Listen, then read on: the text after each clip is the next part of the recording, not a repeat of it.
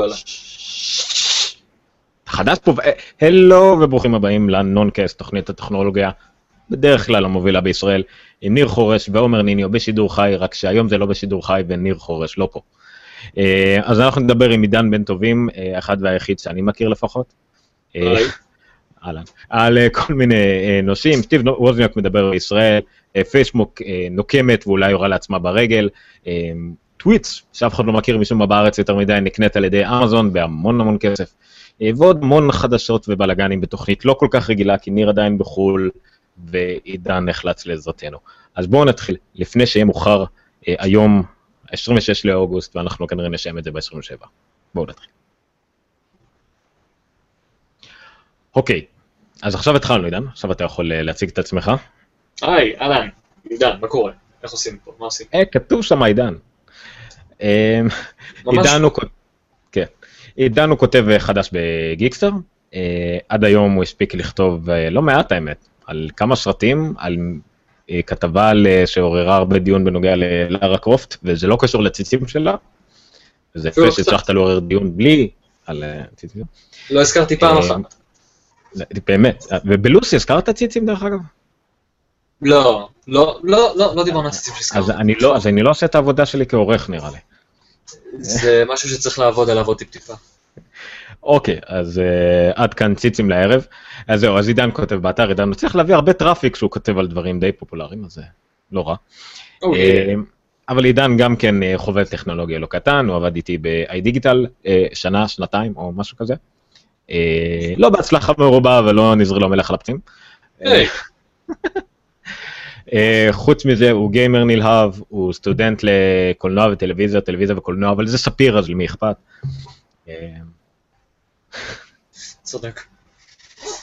וזהו, אז בואו נתחיל, יש לנו כמה חדשות, התוכנית היום, כיוון שהיא לא כל כך רגילה, אז נעבור ככה על כותרות חדשות, עידן יגיב איפה שהוא רואה לנכון להגיב, ועידן גם מביא לנו כמה אה, נושאי שיחה לא רגילים בדרך כלל לתוכנית, ונדבר עליהם גם בסוף. יש פה פסנתר של הבן שלי, שמשמיע רעשים מדי פעם, אז יהיה לנו ליווי מוזיקלי. אמ, anyway, בואו נתחיל, כרגיל אצלנו, אה, קצת צילומי מסך בנוגע למה שאנחנו הולכים לדבר עליו. אם אני אמצא מה אני רוצה להראות, סבבה. אוקיי, אז החדש, החדש, טוב די, אני מפסיק את זה רגע. בינתיים אני אספר לכם שניניו בינתיים אה, ככה חפף אותי קצת על מה עושים כאן, הוא סיפר לי כבר שהילד שלו מעיר אותו לא פעם אחת ולא פעמיים בזמן, ה... בזמן השידורים, אז אני מאוד מחכה לזה שזה יקרה. בוא נראה אם או. נצליח להעיר אותו. כל הכבוד. כן, אז הפעם זה לא הבן שלי שהתעורר, זה פסנתר סורר שפה על הרצפה. אוקיי, אה, יש לך כל מיני רעשים ברקע, תשתדל להנמיך אותם. אני? נחפש. טוב, אוקיי, אז החדשות הראשונות שלנו מאוד אה, פרובינציאליות. אה, סטיב ווזניאק, אה, האחד והיחיד, שוב, האחד והיחיד שאני מכיר, אה, ביקר בישראל, שזה מפתיע מכמה בחינות, א' כל שלמישהו בסדר גודל שלו אכפת מישראל, ב' דווקא בתקופה הזאת אה, הוא בחר להגיע לארץ. היה כתבה עליו, שהנה נראה אותה ברקע, בחדשות ערוץ 2. אנחנו רק רואים, לא שומעים דרך אגב, ניר, אז... איזה ניר. ניר. עידן. וואו, ניר תחזור, ניר. אוקיי, אז- ניר, עזוב. כן. אה, אז אה, ווזניאק ביקר בארץ. עכשיו, האמת שמהטיפוס מה... של סטיב ווזניאק הוא דווקא בהחלט נראה כמו אחד שדווקא היה מתלהב להגיע לפה במלחמה, וזה נראה לו בטח כמו איזה משחק מגניב, או לא יודע מה, אז... אה, הנה, מדריכים אותו על מה לעשות באזעקות, שוב, יש לנו גם קהל אודיו, צריך להסביר להם מה אנחנו רואים. מדריכים אותו מקור במקרה אזעקה, גם היה אזעקה, נכון, באותו רגע.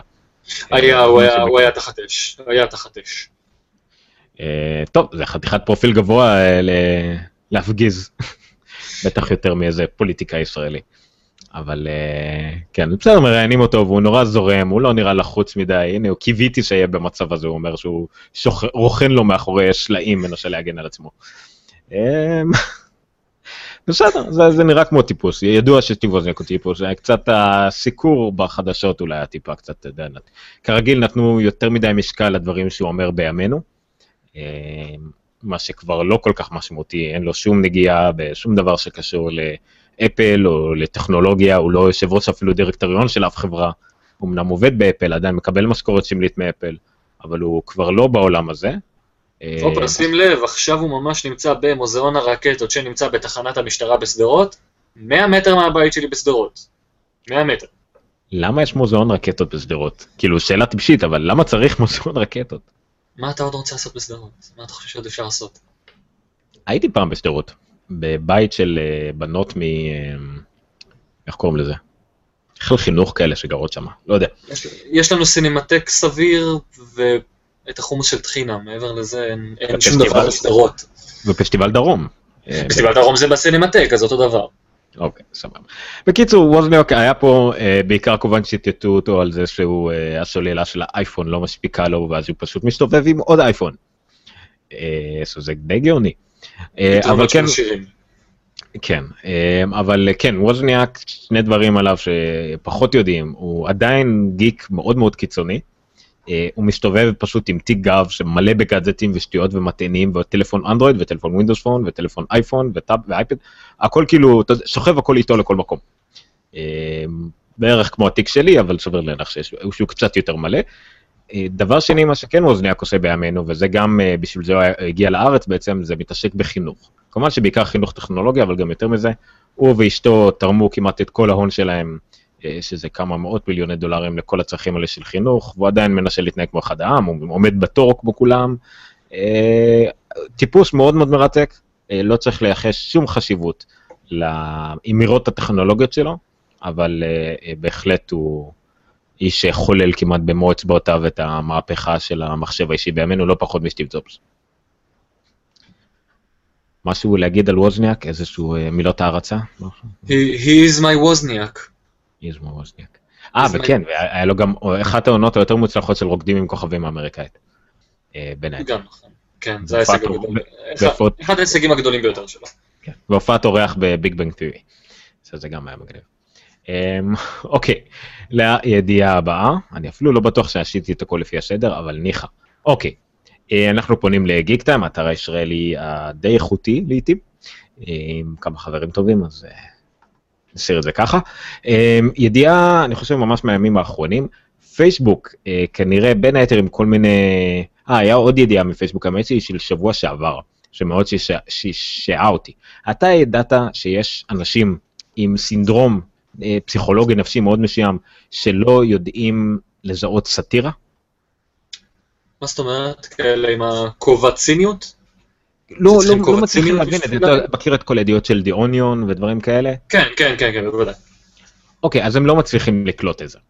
אה, יש אפילו שם לבעיה הזאת, קוראים לזה סטאר, awareness, אה, נו, disability, אוקיי? לא לא פשוט קוראים לזה ההורים שלי? אוקיי, לא, לא, סטאר awareness אה, disorder, סליחה, שזה בראשי תיבות sad. אה, וזה בדיוק מה שהאנשים האלה, very very sad. אז פייסבוק, פייסבוק הגיע לעזור לאנשים האלה, אה, והיא רוצה לשים אה, אה, לוגו כזה של סאטירה בכל ידיעה כזאת עם נופח סאטירי. כמובן אני יודע שאני. צריך לדבר כדי שיראו אותי, אבל... כן. אז The Onion, אה, ג- גם האמת הגיבו על זה היום, אני לא מבין את הידיעה הזאת כי היא מלאה בפרופש... במילות לעג, אז זה היה משהו כמו אידיוט מבקש עזרה מפייסבוק כי הוא לא יכול להבין כלום, משהו כזה, זה אתה יודע, ידיעת Onion קלאסית.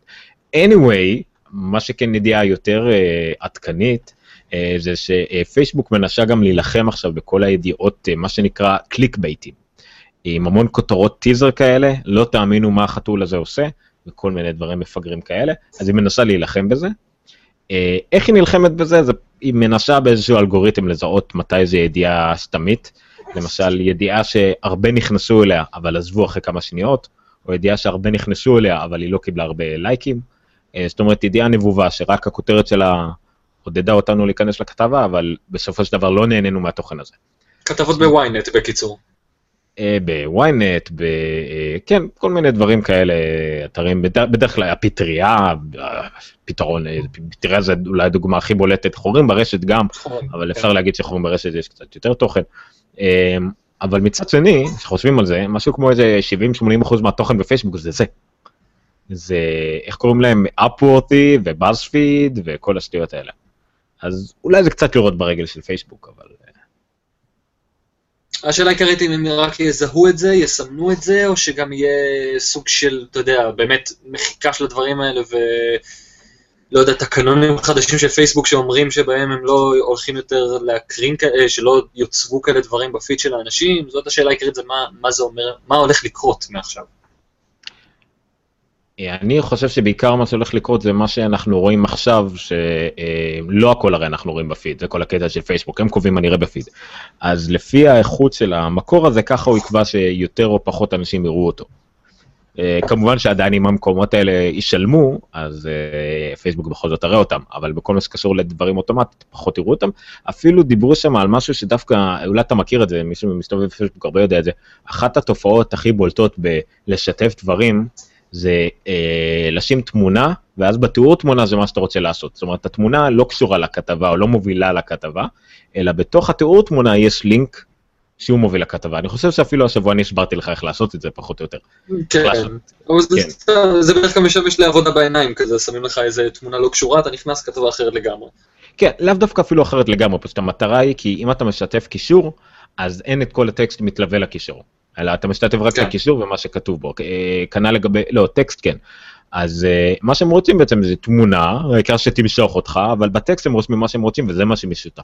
עכשיו זה די פופולרי ודי משתמשים בזה, ואולי פייסבוק גם תילחם בזה, ושוב, תוריד את הערך מדי הרבה דברים. אבל אז נראה יותר דברים שקרובים ל retweet, או נראה, אתה יודע, שיתופים כאלה של אה, ארבע אנשים שיתפו את הדבר הזה, ולא ארבע פעמים, אותה כתבה בארבע שיתופים שונים לחלוטין, וכל אחד כותב על זה משהו אחר, כמו שרואים הרבה בארץ. כלכליסט, דה מרקר, ווי-נט, ו-NRG נגיד, בואו ניתן להם קרדיט למרות שהם חלשים, כולם משתפים אותו דבר, הם מופיעים לך ארבע פעמים שונות בפיד. אה, שזה הבעיה. נראה מה נעשו עם זה. אמ, טוב, עכשיו קלטתי ש... עכשיו קלטתי שיש לי כזה lens flare ממש מגניב כזה מעל הראש, נכון? רואים את זה? כן, ממש... מצטער למאזינים באודיו, אני ממש נראה כמו מייקל ביי, זה ממש כמו זה. אמ, אה, זה יפה, זה יפה. אתה דומה למייקל ביי, או ל... אמ, איך קוראים לו? זה בלקאוט. זק סניידר. לא, הוא יביים את מלחמת. ג'יי ג'יי אברהמס. זהו, אז תיקח את ג'יי ג'יי אברהמס, לא מייקל ביי. שניהם יש flare-ים, בואו נשמור את זה לג'יי ג'יי אברהמס. אה, לא משנה. בקיצור, אז בואו נעבור אה, לידיעה הבאה שלנו, או שנשמור אותה לסוף. לא, בואו, אה, בלמידה שלא יהיה לנו זמן לדבר עליה עכשיו. זו ידיעה חמה מהימים האחרונים, היא מאוד מאוד חשובה בעולם, פחות חשובה לארץ, והיא בנושא שאני פחות מבין בו, אז נראה לי אולי אתה קצת תדבר עליו יותר. קח את זה. נדבר עליו. אה? מה? אז uh, אנחנו מדברים על uh, אמזון שקנתה את טוויץ' תמורת uh, מיליארד דולר, זה די הרבה. לא הרבה אנשים מכירים את טוויץ' בארץ, ואני לא מתפלא למה, אבל לכל מי מכם שיש פלייסטיישן 4, רוב הסיכויים שאתם הולכים להתקל בזה בצורה כזו או אחרת. טוויץ' מאפשרת לכם בעיקר לשתף את המשחקים שלכם ולעשות מעין פארטיז כאלה שבהם אתם מראים את, ה, את הגיימפליי שלכם, ותוך כדי אנשים יכולים להגיב, אתם יכולים לשמוע את האנשים במיקרופון, אתם יכולים לשמוע שחקנים במקביל, אז זה בעצם מאפשר לכם לשתף את חוויית המשחק שלכם. אה, בפלייסטיישן 4 לדוגמה זה מובנה ישר על תוך המערכת, ככה שבעצם אתם יכולים בכל שלב שאתם נמצאים במערכת, ללחוץ על כפתור אשר בשלט, ומיד אתם יכולים להעביר לערוץ שלכם שידור ישיר עד 1080p, שזה מאוד מרשים. אה, להעביר בעצם את הגיימפליי שלכם. ואנשים יכולים תוך כדי להגיב, אתם יכולים לראות את התגובות שלהם, הם יכולים לשמוע אתכם, אתם מחברים את המיקרופון ובוחרים. אה, שירות סך הכל מאוד מעניין בארץ, הוא לא תופס כי אין בארץ כזאת אה, סצנת או גיימרים או אה, שידורים של גיימרים. כלומר, בעברית זה פחות עובד, וכולנו יודעים את זה. אה, אבל בחו"ל האתר הזה עף בצורה אחרת, והקנייה עכשיו של אמזון היא לא כזאת מפתיעה, כי כשאתם חושבים על זה, גם uh, עומר, אני בטוח שדיבר על ה-Fire TV, שבעצם אמזון מנסה להיכנס קצת לשוק של המשחקים. אז זה לא פלא שהיא מנסה קצת לקחת משהו מסוני, לקחת משהו קצת ממייקרוסופט, ולנסות ליצור לעצמה פלטפורמה חדשה של גיימינג. Uh, מאוד מעניין לראות לאן הם ייקחו את זה, כי עד עכשיו המשחקים עדיין של ה-Fire TV הם לא משחקי קונסולות, אבל... Uh, צריך עוד לראות לאן הם לוקחים את זה, יהיה מאוד מעניין. אוקיי, okay, um, אני רוצה לקחת את זה מהזווית של למה דווקא אמזון uh, קנו את זה, כי השמועות במשך כמעט כל הקיץ היו שני גלי שמועות uh, עיקריים, בואו נעזוב את המסך הזה וקצת נסתכל עלינו, היו שני גלי שמועות עיקריים, דבר ראשון, בתחילת הקיץ על המאוד שמועה חזקה שיוטיוב מתכוונת לקנות את טוויץ', וממש לפני שבועיים שלוש הייתה ממש כאילו זה, זה ודאי, וכולם דיברו על זה בכל התוכניות פודקאסטים, ממש זהו, יוטיוב קונה את טוויץ'. אה, ואז גם עלו המון דיונים על לגבי מה יוטיוב תעשה עם טוויץ', הרי ליוטיוב יש כבר את יוטיוב, זה גם שירות סטרימינג וידאו וגם שם עולים משחקים, אבל אה, אז גם עולה הבעיה למה זה אולי עלול להתנגש עם יוטיוב, כי ביוטיוב יש הרבה בעיות של זכויות יוצרים. טוויץ' הייתה תמיד כמו הילד הרע הקטן שמתגנב מאחורה ולאף אחד לא אכפת ממנו. אה, ביוטיוב זה כבר לא יכול לקרות, ביוטיוב הייתה ככה בהתחלה, אבל אז ויאקום תבעו על מאות מיליונים או אפילו מיליארדים את גוגל ויוטיוב וזכו. ווורנר ברדרס תבעו ועוד הרבה הרבה כאלה. אז uh, לא נשאר הרבה מזה, אז לא היה ברור כל כך מה, מה גוגל תעשה עם uh, טוויץ', אולי זה יהיה בנפרד, אולי הם ישלבו, ו, uh, ובכל מקרה טוויץ' תרוויח, כי טוויץ', uh, עליהם, הבעיות שיש להם בעיקר עכשיו זה רוחב פס. אין להם חוות משלהם, אין להם, הם בסך הכל לא יש שירות שהשתמש בחוות של אחרים וגדל למימדים מפחידים. Uh, משהו ברמה של אני חושב הם מגיעים ל-40 מיליון צפיות ביום לפחות, או משהו כזה. יש המון, המון, המון traffic מבחינת שימוש באתר הזה, אבל באמת מה שמעניין, גם למה שאתה אמרת, אה, זה שממש לפני כמה ימים טוויץ' התחילה לנטוש users ים ולנטוש אה, וידאוים שמשתמשים במוזיקה לא חוקית.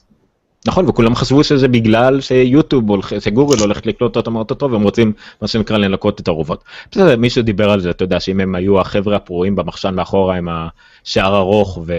וחולצות בחוץ, אז פתאום הם צריכים לקנות חליפה ולשפר את האנגלית שלהם, כי הם הולכים לדבר עם הביג שארטס מאמזון וגוגל. אבל כן, אז כנראה קצת היו צריכים להתמסד. אני חושב שטוויטס אפילו עברו את הולו ב... ב... בשעות הצפייה, וגם כמובן שהם אה, מתעסקים עם ה...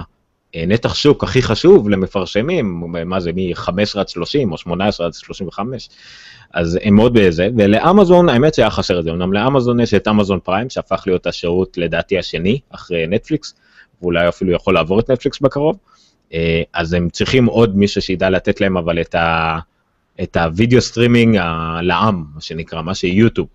אולי יכול להיות שהם לא ייגעו לא בטוויץ' כמו שהם לא נגעו ב-IMDb אה, ודברים כאלה, אבל גם יכול להיות שהם ינסו להפוך את טוויץ' לקצת יותר אה, אה, רשת לשרתי חתולים. אה, או לפחות לקחת את הניסיון שלהם בווידאו סטרימינג כדי לעשות עוד חטיבה. הרבה דברים שהם יכולים לעשות עם זה, אבל בניגוד לגוגל, לאמזון זה הרכישה הכי גדולה שלה אי פעם בהפרש ניכר, ממש, כאילו אני חושב שהקנייה הכי גדולה שלהם עד אז היה 100 ומשהו מיליון דולר או משהו כזה, את אודיבל או, או, או את ה-MDB אפילו, אני לא יודע, אבל זה, זה באמת משמעותי. אני לא יודע, אולי באמת לטוויץ' אין, אין יותר מדי מקום בארץ, כי אה, אתה יכול לראות, אה, אתה יודע, ילד בן 14 מ- מיפן משחק ב-call of duty, או שאתה יכול אה, להתקשר אה, לחבר שלך שכרגע בגדה ולשאול אותו, ואתה יודע, שיעשה עם הפייסטיים. זה אותו דבר. אז אה, אולי זה קצת פחות תופש בארץ, אבל אה, יש לזה מקום. אני יודע שגם האחיין שלי בארצות הברית למשל, הוא חצי מהזמן שלו ביוטיוב רואה מיינקראפט. או פלפי ברד או לא יודע, דברים כאלה.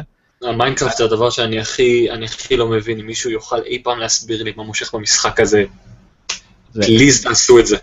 זה מושך ברמות מטורפות כנראה. אני לא יודע, אנחנו הרי שרפנו, אתה אולי קצת פחות, אני בזמנו שרפתי המון שעות על סים אה, City.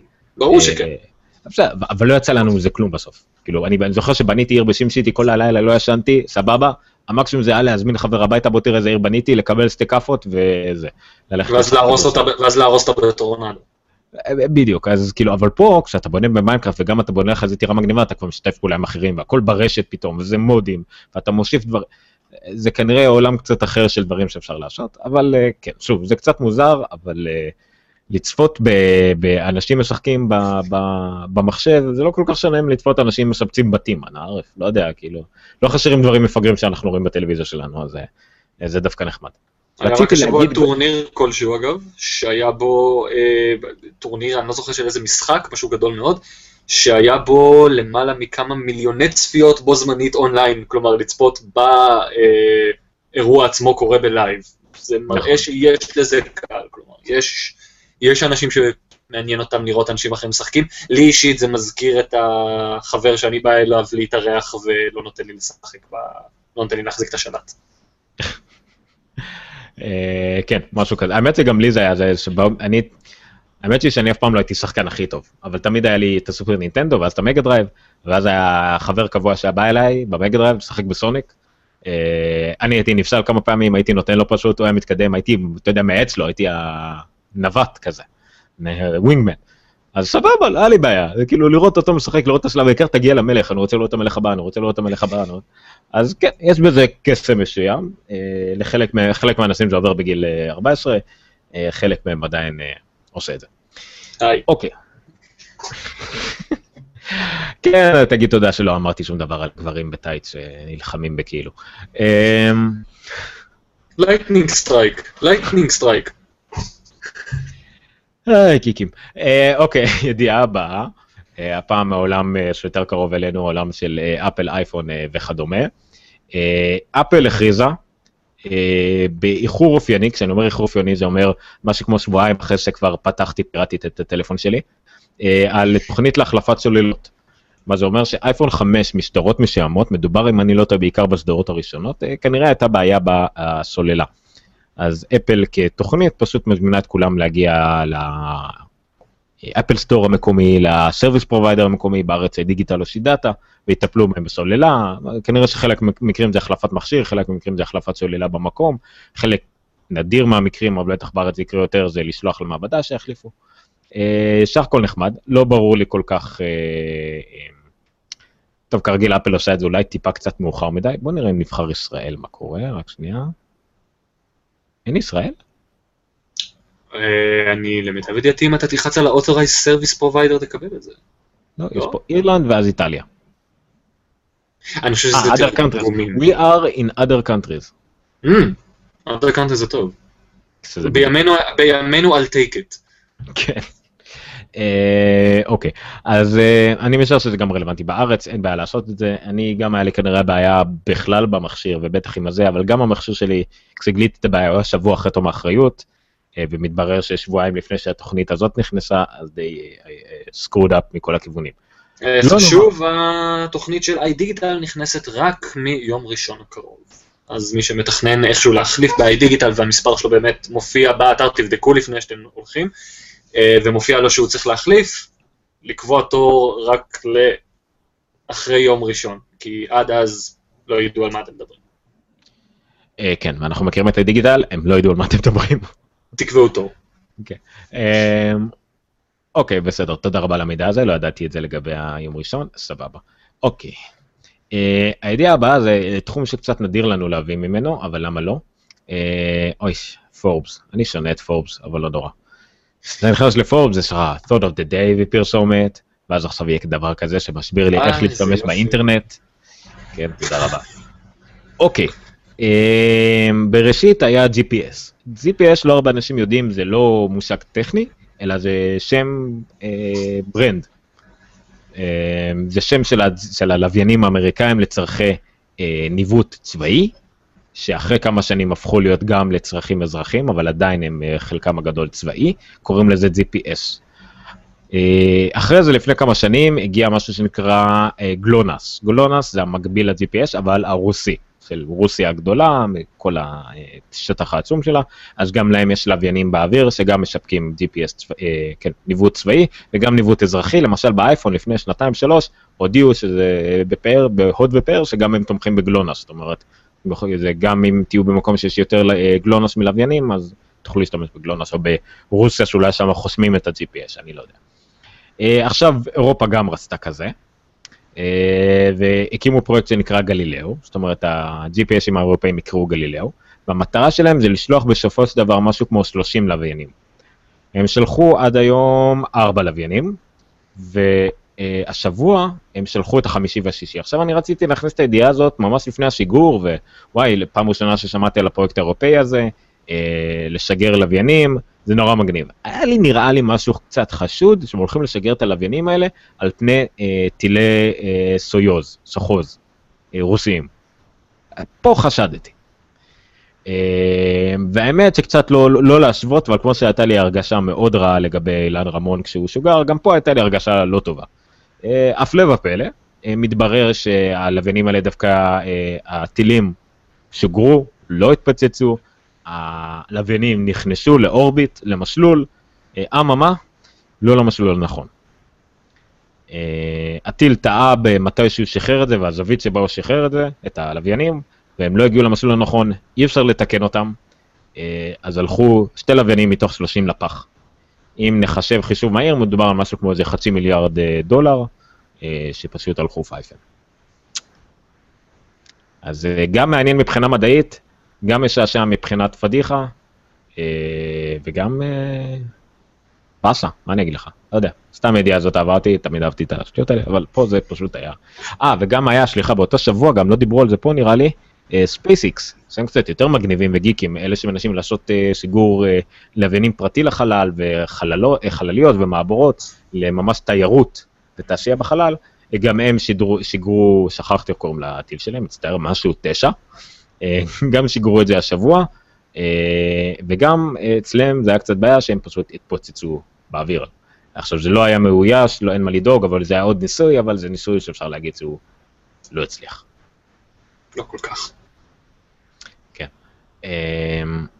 אוקיי, ידיעה הבאה משלבת שני דברים. כיוון שלא לא דיברנו, לא דיברתי איתך על זה יותר מדי, מה, מה אתה חושב על סטיב בלמר? פשוט בן אדם הזוי, אלוהים אדירים. אני כל פעם שאני רואה, אני יכול לזהות אותו ממרחקים, גם אם אני בלי משקפיים ורואה מטושטש, אני יכול לזהות את השפת גוף הילדותית הזאת שלו. בן אדם הזוי, בן אדם הזוי. מה הוא עשה אוקיי. השבוע? אז, אז כמה שהבן אדם הזה הזוי, צריך לתת לו כבוד מסוים מהבחינה הזאת שהוא מאוד אהב איפה שהוא עובד, מנכ"ל מייקרוסופט לשעבר, מי שלא יודע. אה, העובד השלישי במייקרוסופט, או הרביעי במייקרוסופט נראה לי. אה, הוא מאוד אהב את מה שהוא עשה, את החברה שהוא עבד בה, הוא הרוויח המון כסף למייקרוסופט, אבל לא קידם אותה לשום מקום. אז הוא פרש כמנכ"ל לפני כמה שבועות, חודשים סליחה, והשבוע גם אה, פרש מתפקידו כמנכ"ל, אה, כיושב ראש הדירקטוריון. הוא לא יהיה חבר בדירקטוריון של מייקרוסופט. שוב, דירקטוריון הוא מהחבר'ה שמייעצים, מחליטים, אה, בהצבעות וכדומה, הוא גם לא יהיה חלק מזה. עכשיו במכתב מאוד לא מרגש, שמדבר בעיקר על ביזנס וכסף וכאלה, הוא נפרד במכתב לסדתיה נדלה, המנכ"ל החדש, סדתיה נדלה גם כן הגיב לו. אה, והכל היה טוב ויפה, אבל מה סטיב בלמר הלך לעשות? לסטיב בלמר יש הרבה מאוד כסף, הוא מאוד אוהב ספורט, והוא מאוד אוהב להתלהב. אה, לכן הוא פשוט קנה קבוצת כדורסל. הוא קנה את הלוס אנג'לס קליפרס, למי שטיפה בקיא ברכילות, לוס אנג'לס קליפרס אה, קבוצה בעלייה מטורפת, מאוד מאוד איכותית, אבל שהבעלים שלה היו, היה מאוד מאוד גזען, יהודי, אבל מאוד מאוד גזען, מאוד אנטי שחורים וכדומה. אה, שהיה לו פליטת פה מצערת לפני כמה זמן, שבגינה החרימו אותו מה-NBA והוא נאלץ למכור את הקבוצה. סטיב בלמר קנה אותה ב-2 מיליארד דולר, כנראה השכום הכי גבוה אי פעם שנקנתה קבוצת ספורט, אבל בלמר אה, כנראה מאוד אוהב את הקליפרס, וכמו שחובבי טכנולוגיה יכולים לזהות, מיד אחרי הפרסומת הזאת, יכולים לזהות את ההתלהבות המובנית של סטיב בלמר גם כשהוא מדבר על כדורסל. הנה הוא. פשוט מלהיב את האוהדים, זה מין uh, הצגת בעלי הקבוצה החדשים לאוהדים, הוא מלהיב את כולם כמובן, רואים אותו מתנשף, מזיע, צועק על הקהל, מלהיב את כולם. הוא בעיקר מזיע. כן, הולך להיות הקבוצה הכי טובה, עם האוהדים הכי טובים, להתלהב, הולכים לטרוף את הכל. אה, שמע, אני מבחינתי כאוהד כדורסל זה אומר דבר טוב. אמנם אה, בעלים עשירים מדי ודומיננטי מדי זה לא תמיד טוב לקבוצה, אבל במקרה הזה נראה כמו אחד שיעשה הכל כדי שהקבוצה תצליח. יש לו מספיק כסף כדי לשפוך ולחרוג מתקרת שכר וכל מיני קנסות לקבל, כל מיני דברים כאלה. רואים, רואים על הספסל את השני השחקנים הכי אה, טובים בקבוצה ואחד מהטובים בעולם והמאמן שלהם. אה, אז כן, כל הקהל מתלהב פה, זה בסדר, הוא עשה את העבודה שלו. הוא הכניס לעיר די מנומנמת וקבוצה די מנומנמת הכניס הרבה התלהבות, אז כל הכבוד לו, על זה לפחות. אם אתה אומר. כן. אוקיי, ומהצד השני של המתרס, אה, האמת שזה קרה כבר לפני יותר משבוע, כן, ב-19 באוגוסט, אבל שווה לדבר על זה גם עכשיו. אפל, החברה שעומדת למות, החברה שלא יכולה לחדש, החברה שנאכלת לאט לאט על ידי אנדרואיד, אחרי שהיא כבר נאכלה על ידי מייקרוסופט ווינדוס. זה הסוף שלה. כן. הגיע, שמע, לפני אה, שנתיים היא הייתה, ערך המניה שלה היה אה, 700 וקצת דולר, והשבוע רק 101 דולר. נפילה איך? של... פי- איך זה? איך זה? כי הם פשוט חילקו בשבע, זה מין טריק כזה של בורסה שאני אף פעם לא מבין. הם חילקו את המניה שלה לשבע, זאת אומרת שהשבוע, היום, האמת שהיום קיבלתי התראה, אם אני לא טועה, הם הגיעו ל... כן, היום המניה נשקרה על 101 דולר וסנט, זאת אומרת הגיעו ל-707 דולר אם זה לפני החילוק, הערך הכי גבוה של המניה של אפל, של אפל אי פעם. למיטב ידיעתי הפיצולים האלה נועדו כי בעצם אנשים לא יכולים לקנות מניות, כי זה כבר נהיה 700 דולר, זה מחיר משוגע כן. למניה, זה מחיר שכמעט לא קיים, אז מפצלים את המניה, אתה מקבל פשוט, מי שהיה לו את המניות בסכום הזה ויכל להרשות לעצמו, עכשיו פשוט יש לו יותר מניות, שזה לא אומר כלום, כי חילקו את זה באותו בעצם רווח, אבל יותר אנשים יכולים עכשיו לקנות את המניה, אנשים כמוני וכמוך, שאני בטוח ששכחנו לעשות את זה לפני שנתיים, שזה מה שקרה לי. אם ניר היה פה, הוא היה דווקא אומר שהוא דווקא כן קנה מניה, אבל אני חושב ב-90 וקצת, אז כבר עכשיו זהו אה, העלה יפה. בסדר, אה, ניר הוא גם דיבר על זה, הוא בן אדם שקנה אה, ביטקוינים כשהערך שלהם היה 10, או משהו. כזה, 10 דולר, כן. אז אה, הוא מכר את הביטקוינים וקנה מניות של אפל. אני צריך לשים אותו בתור היועץ משכנתאות.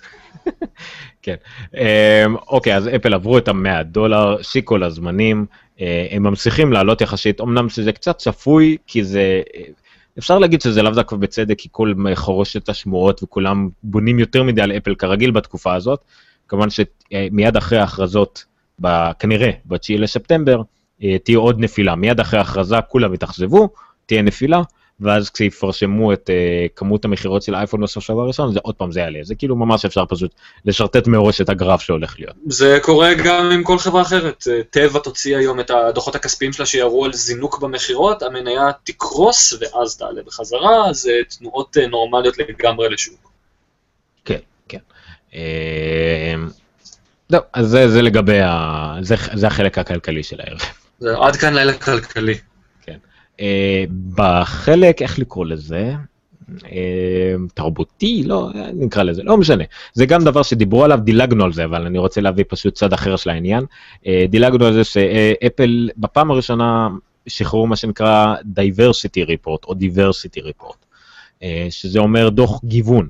גיוון בעיקר מבחינת כוח אדם, מפרשמים כמה גברים, כמה נשים בכל תפקיד, כמה לבנים, היספנים, שחורים, צהובים וכדומה.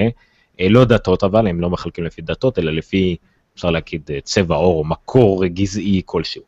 anyway, לפי האפליה שלהם כמובן, זה כל המטרה של הדוח הזה. אז אפל שחררה את זה, אה, אפשר, לא, לא, לא התחשק כל כך להביא כותרות של עיתונאים שפרשמו גוגל זה, מאוכזבת מעצמה כי טים קוק פרשם שהדוחות שלהם תואמים את מה שקורה בשוק, אבל הם מאוכזבים ורוצים יותר, ואז כולם כמובן תפשו על זה גל. ו... אבל אפל לגמרי ממוצעת פלוס אפשר להגיד. אה, מה שאנחנו רואים על המסך, אה, או מה שתראו על המסך, אם תיכנסו להערות של הפרק, דרך אגב, בגיקסטר.co.il/נונקה/062, שם אתם תמיד תמצאו את כל הלינקים וכל הכישורים שלנו. אה, אז בואו נגדיל את זה עוד קצת. אז אפשר לראות, למשל, טוב, לא מפתיע, כמה, כמה אחוז באוכלוסייה יש בארצות הברית, יש 51 אחוז נשים בארצות הברית ו-49 אחוז גברים, אבל כוח עבודה יש 53 אחוז גברים ו-47 אחוז נשים, לא משנה. אפל בתחום הגברים נשים עומדת, אה, שוב די באמצע, היא על 80-20 בערך, רוב החברות, המוחלט, רוב המוחלט של החברות הוא מעל 80, רק מייקרוסופט עם פחות מ-80. יש גם איזו חלוקה נחמדה כזאת לפי אה, אה, משרות לא טכניות, זאת אומרת כל הלוגיסטיקה, לא יודע, לוגיסטיקה ו... אה, בירוקרטיה וכדומה כאלה, אז אפל נמצאת על 65-35, אה, זה דווקא יותר ממה שקורה בדרך כלל בשוק, יש לה יותר גברים בתפקידים האלה. שוב, זה תפקידים שדווקא הם במהותם יותר נשים, אז רוב השוק, חוץ ממייקרוסופט, הם בערך על ה-50-50, דווקא מייקרוסופט פה אה, יותר קיצונית, אה לא, מייקרוסופט, סליחה, מייקרוסופט לא דיווחו על זה, אז צריך להתעלם מה... מהנתונים שלהם.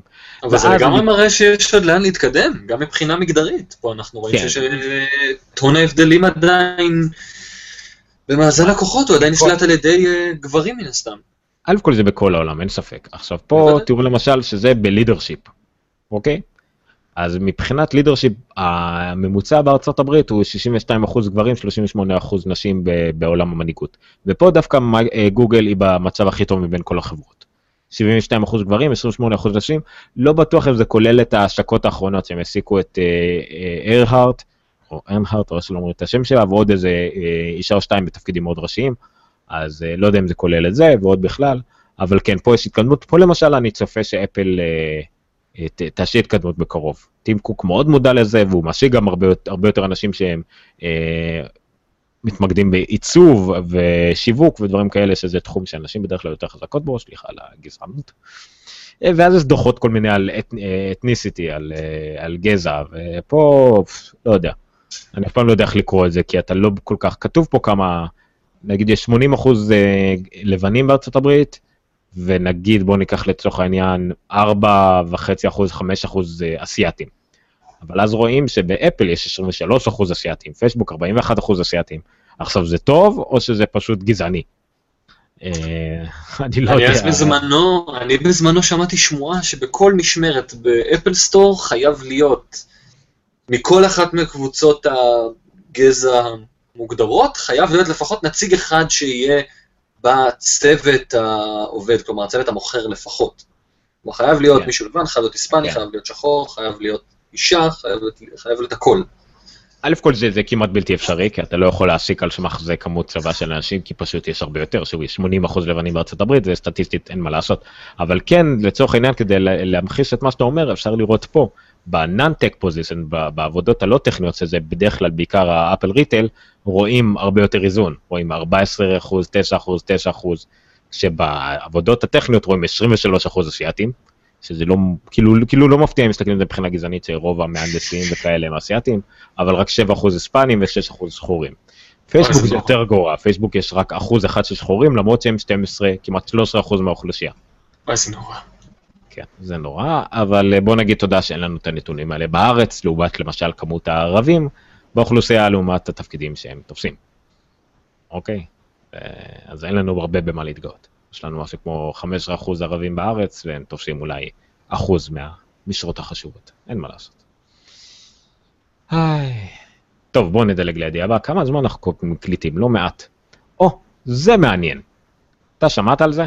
אתה מצליח לראות? האמת שלא. אוקיי, אז ככה. בוא, א' כל, בוא נגיד את זה, הבן אדם שמוק. על מה אנחנו מדברים? בוא, זה, זה הנקודת הנחה.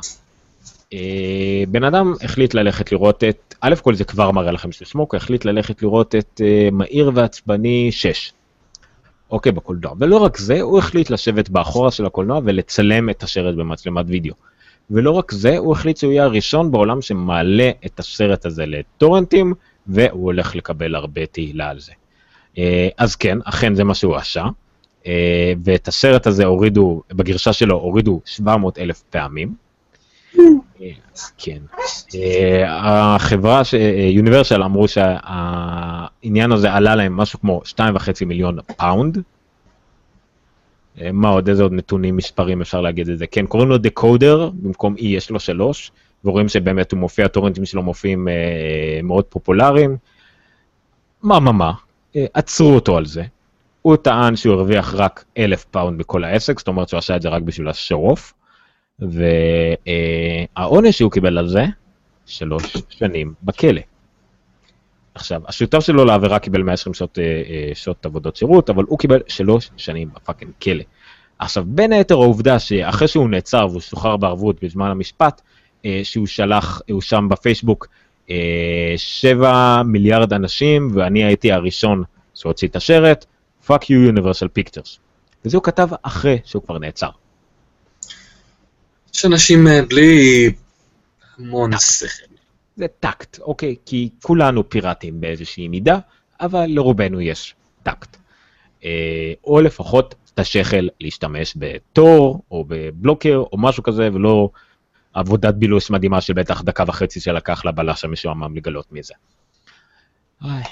אז כן, ילדים לא לגנוב סרטים, אה, בשביל זה יש לנטפליקס בארץ, אה רגע, יש, אה, אול, לא, יש וואלה VOD.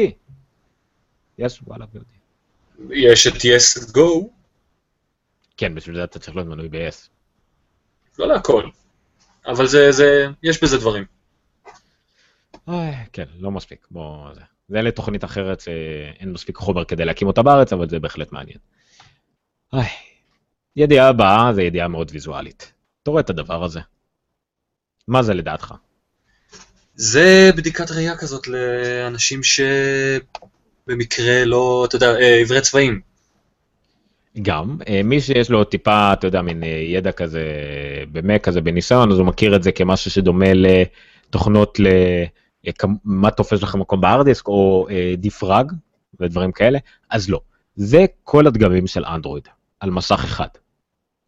יש כמעט 19 אלף דגמים שונים לגמרי של אנדרואיד. שמריצים אנדרואיד. זה מה שנקרא פרגמנטציה. 18,769. אלוהים. כן, עכשיו. החזון של ג'ובס מתרחש. כן, אוקיי, ועכשיו רואים את ההשוואה למשל בדברים הגדולים בגרשאות, לא מדובר על מכשירים גרשאות בין iOS 7 ו-6 לאנדרואיד 4.4 ומטה. אה, זה ברור לראות מה זה מה. אוקיי, בסדר, לא, הכל זה, עדיין אה, אה, המערכת הפעלה של אנדרואיד מאפשרת לך לעשות אפליקציה אחת והיא תתאים את עצמה לכל מיני מסכים, אבל זה לא אומר שיהיה לך את כל הפיצ'רים, לא אומר שתוכל להשתמש בכל ה-API, בכל החומרה, בכל הדברים, ולא הכל יתאים. עכשיו, אפשר גם דבר אוטומטי שאומרים בסדר, אבל לרוב האנשים יש או גלקסי S5, או LG, G2 או G3, יש את העשרה מכשירים האלה שלכולם יש, אז לא. העשרה מכשירים הכי פופולריים בעולם, כולם, אה, מגיעים רק ל-21 אחוז. זאת אומרת, יש 80 אחוז שמתחלקים ב-18,660 ומשהו אה, מכשירים. זה, זה כנראה הנתון הכי מזעזע גם אם חושבים על זה ככה. וואו. אה, זה כן, אז הנה, זה חלוקה, דרך אגב, זה יפה, זה לא ראיתי את זה מקודם, חלוקה של היצרנים. סמסונג תופשת משהו כמו 50 אחוז מה... מהנתח שוק בעולם, אבל אה, לצורך העניין באנדרואיד, אם אני לא טועה, הם תופסים משהו כמו 90 ומשהו אחוז מהרווחים של האנדרואיד בעולם. כי אה, גם ב, אם מסתכלים על סמארטפונים בכלל, אפל עדיין תופסת משהו כמו 90 ומשהו אחוז מהרווחים, נראה לי או בעולם או בארצות הברית, וסמסונג 9 אה, ומשהו אחוז, ושאר העולם במינוס. שאר העולם מפסיד. אז כן, כרגיל, כשרואים את זה ויזואלית זה יותר מרשים. שוב, לא בא לטעון כנגד, לכל דבר יש מקום ומשקל, אבל uh, אין ספק שזה בעיה כשאתה בא לפתח אפליקציה מורכבת שאתה רוצה שהיא תהיה איכותית, ואז אתה נתקל ביותר מדי דברים לבדוק. אין על רשת. Uh, עוד גרפים, בידיעה הבאה שגם היה, בגלל שזו תקופה מאוד חלשה בטכנולוגיה בתקופה הזאת, אז עוד הודעה משקמת, פה אנחנו רואים את טים uh, גוגל, אה, לפני כמה זמן? לפני עשור בדיוק, כן, שהם יצאו לבורסה, כשגוגל יצאו לבורסה בדיוק לפני עשר שנים. עכשיו בהתחלה כולם חשבו שזה גימיק, הם אמרו שהם הולכים להישאר, וההתחלה הייתה די צולעת, אבל תראו מה התחיל לקרות פה עם השנים. זה הרווחים, המכירות, שזה בשגול בהיר יותר, ובכהה זה הרווחים, Operating Profit, בעשור האחרון. הם הגיעו מחברה של קצת פחות ממיליארד אפילו, חברה שמרוויחה קרוב ל-5 מיליארד דולר, מכניסה קרוב לך, אה, מוכרת בקרוב ל-15 מיליארד דולר, שווה כמובן הרבה יותר. זה פשוט גרפים מדהימים, מסתכלים על השנים, על 10 שנים של חברה. שוב, אפל 30 שנה, אבל גם נראה לי אם ישו לאפל משהו גרף כזה מ-97 זה דומה, אבל לגוגל, חברה שהיא כולה שירותים, תוכנה ואינטרנט, אה, העולם החדש לחלוטין, החברה שהיא הראשונה שהיא עולם חדש לחלוטין, אה, זה מרשים. שהתחילה כמנוע חיפוש אה, צולע, לא צולע, סליחה, הוא הצליח מאוד בהתחלה, אבל מאוד כזה בתחרות עם יאו ואלטה ויסטה, ופשוט זה נהיה מטורף. אז כל הכבוד לגוגל, uh, מי ייתן ונמצא עבודה שם. כמה זה? או, העובדים בגוגל. גם גרף מאוד מרשים, שהגיעו מ-0 ל-50 אלף. קיצור, הרבה גרפים, תראו את זה, ולמה פה יש תמונה של מקום של רעבים באפריקה, מיד אחרי כתבה על גוגל. אני בטוח שזה לא קשור אחד לשני. להזכיר לך. כן, להזכיר שיש גם כאלה. טוב, פה מסתיים החלק שלי. אה, ואני אפילו אסיים ותראו אותי כדי לא, אני אוכיח לכם, איפה זה נעלם לי עכבר. נו, זהו, אני סיימתי. עכשיו לחלק של עידן, שוב עידן קצת חדש בזה, בואו ניתן לו את הבמה, את המקום. מה אתה אה, באת לדבר איתנו היום? אה, טוב, יש דווקא די הרבה דברים שקורים בימים האחרונים, אה, לא רק בעולם הטכנולוגיה וגם בעולם חדשות המשחקים וכל הדברים שקורים, נדבר קצת על כמה דברים שקרו היום וקרו השבוע. אובר הושקה היום, אני בטוח שכולם שמעו על זה. אובר היא בעצם תוכנה שדומה ל GetTaxi, תוכנה שבעצם מוניות, של הזמנת מוניות והזמנת נסיעות. שבעצם מושקע היום בהשקה די שקטה, אבל רועשת מבחינת אה, פרסום ומבחינת אה, אסטרטגיית שיווק שלה. אה, כרגע, אגב, האפליקציה עובדת רק בתל אביב, אז לא לצפות יותר מדי, והיא נותנת אה, בשביל ההתחלה לכל הנוסעים 20% הנחה על כל הנסיעות, אז אם אתם רוצים לנסות, זה בול הזמן להתחיל. אה, משהו שחשוב לדבר עליו זה שבעצם Uber לא מושקת בדיוק באותה צורה כמו שהיא מחו"ל. אם תשאלו חברים שלכם מחו"ל שמשתמשים ב Uber, הם יגידו שהשירות שהם הכי משתמשים בו הוא לא Uber, אלא UberX. מה זה UberX? UberX מאפשר בעצם לכל אחד מאיתנו להפוך להיות נהג בעצם, ולהרוויח כסף מ Uber.